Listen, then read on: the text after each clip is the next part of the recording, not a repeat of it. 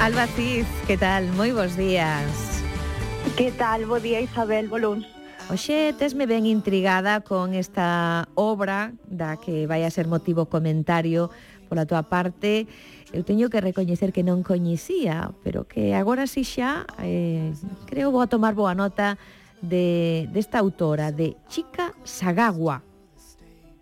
Sí, así é, non? e ademais tráenolo o rinoceronte recén saído do forno na súa colección de poesía. Entón, realmente imos dar un salto dende hoxe ata o primeiro terzo do século XX en Xapón. Eh, non sei, quero comezar por dicirvos que é unha rareza digna de ser celebrada, que é un exemplo da poesía que continúa a chegar ao galego, e que neste caso Trátase dunha selección da propia traductora Alba Doval, que tamén contextualiza no limiar a importancia desta obra, que non é outra que a dunha das voces de muller constituintes do modernismo, do modernismo xaponés malia ter unha brevísima vida, e tamén eh, nese mesmo linear é capaz de ofrecernos algunhas pistas sobre o proceso de traducción. Unha traducción remuda feita a partir dunha traducción previa ao inglés, eh, da man de Saguaco Nakayasu, con quen a nosa traductora galego intercambiou correos, non intercambiou diferentes cuestións para ir afinando a traducción final que hoxe temos. Bueno, uh, os nomes e apelidos en xaponés é difícil reproducilos ou repetilos, así que deixamos a que as persoas remitímolos ao podcast do Diario Cultural que poden atopar ou a través das redes sociais ou tamén da nosa propia páxina web para tomar boa nota. Polo momento, unha escolma de poemas de Chica Sagawa, traducción de Alba Doval, que recollen unha escolma eh, en este volume que ven publicado por Rinoceronte. Esta novidade, que descubrimos de Chica Sagawa? Pois mirade, para ir tomándolle o pulso á imaxinería de Sagagua e a capacidade de observación, que me parece moi relevante, moi reveladora no seu caso, pero tamén a identificación ou o contraste violento que é capaz de establecer coa natureza, leo vos primeiro un poema mínimo, diminuto. Eh, titúlase 1, 2, 3, 4, 5. Unha rapaza eleva a súa man verde debaixo dunha ringleira de árbores. Sorprendida porque a súa pel semella a dunha planta, observa e finalmente quitas luvas de seda. Eh, o caso de Chica Sagawa é ben interesante en termos de posicionamento e de redescoberta como autora, porque en certa medida foi propiciado pola fortuna da súa obra nun sistema distinto, nun sistema intermedio que é o sistema anglosaxón, o sistema anglo anglofalante eh, aínda que poderíamos detectar en décadas anteriores un tratamento como poeta modernista menor, moi marcada por esa morte aos 24 anos, no 2010 comezan a aparecer reedicións da súa obra en Xapón, tamén como traductora, porque tamén traducía na xuventude, e no 2015 gaña unha nova luz e dá o salto ao mundo occidental porque es a recompilación completa dos seus poemas en traducción ao inglés publicada nunha editora independente, resultou merecedora do Premio PEN América 2016 para a traducción de poesía. Entón, é certo que ela tamén en si sí mesma, a poeta, é unha autora ponte, é unha autora moi enigmática, moi atenta, como vos dicía na xuventude a autores como Joyce ou como Maina Loy, a quen traducía. Eh, para presentala sucintamente, diría que a inmensa maioría dos poemas condensan esa actitude de constante observación, perspicace moi libre a un tempo, que ten así tintes surrealistas por veces, e que nesas observacións van confluindo elementos da natureza, do paso do tempo, da vida urma, urbana e tamén un, un certo desasosego, do que podemos falar un pouquiño máis adiante.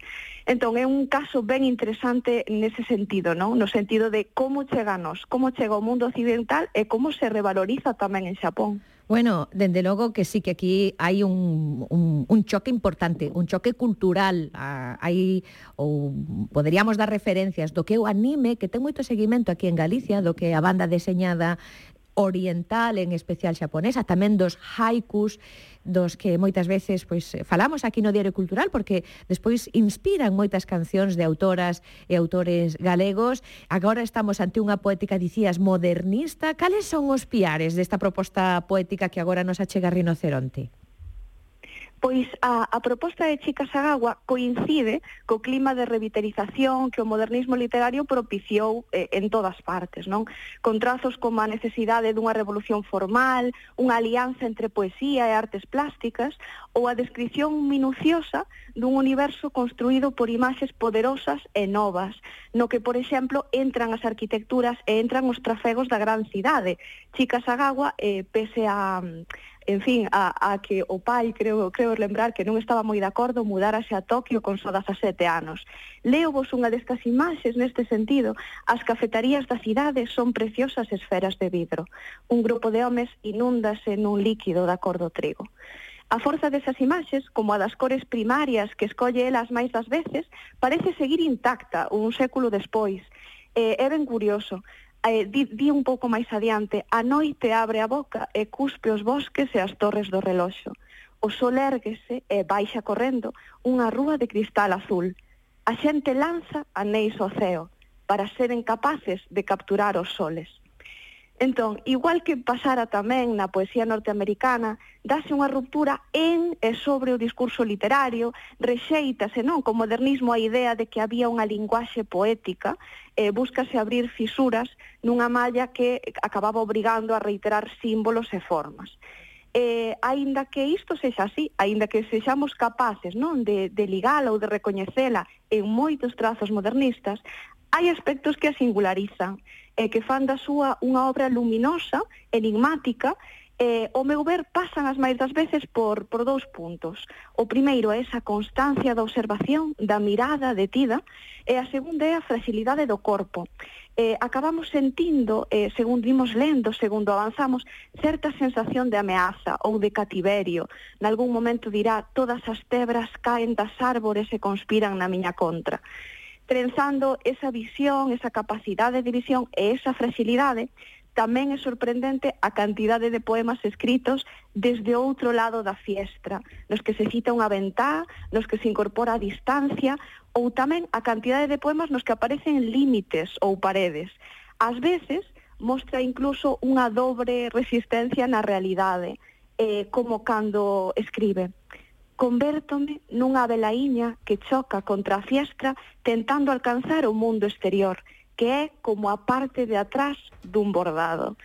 Entón, eh, desde o mundo dos estudios asiáticos, penso que tamén se sinalou nalgún momento a súa particularidade mesmo no círculo das, das poetas mulleres modernistas xaponesas, que, por exemplo, tenderon a debruzarse moito máis nas referencias ao corpo e non desta maneira, non?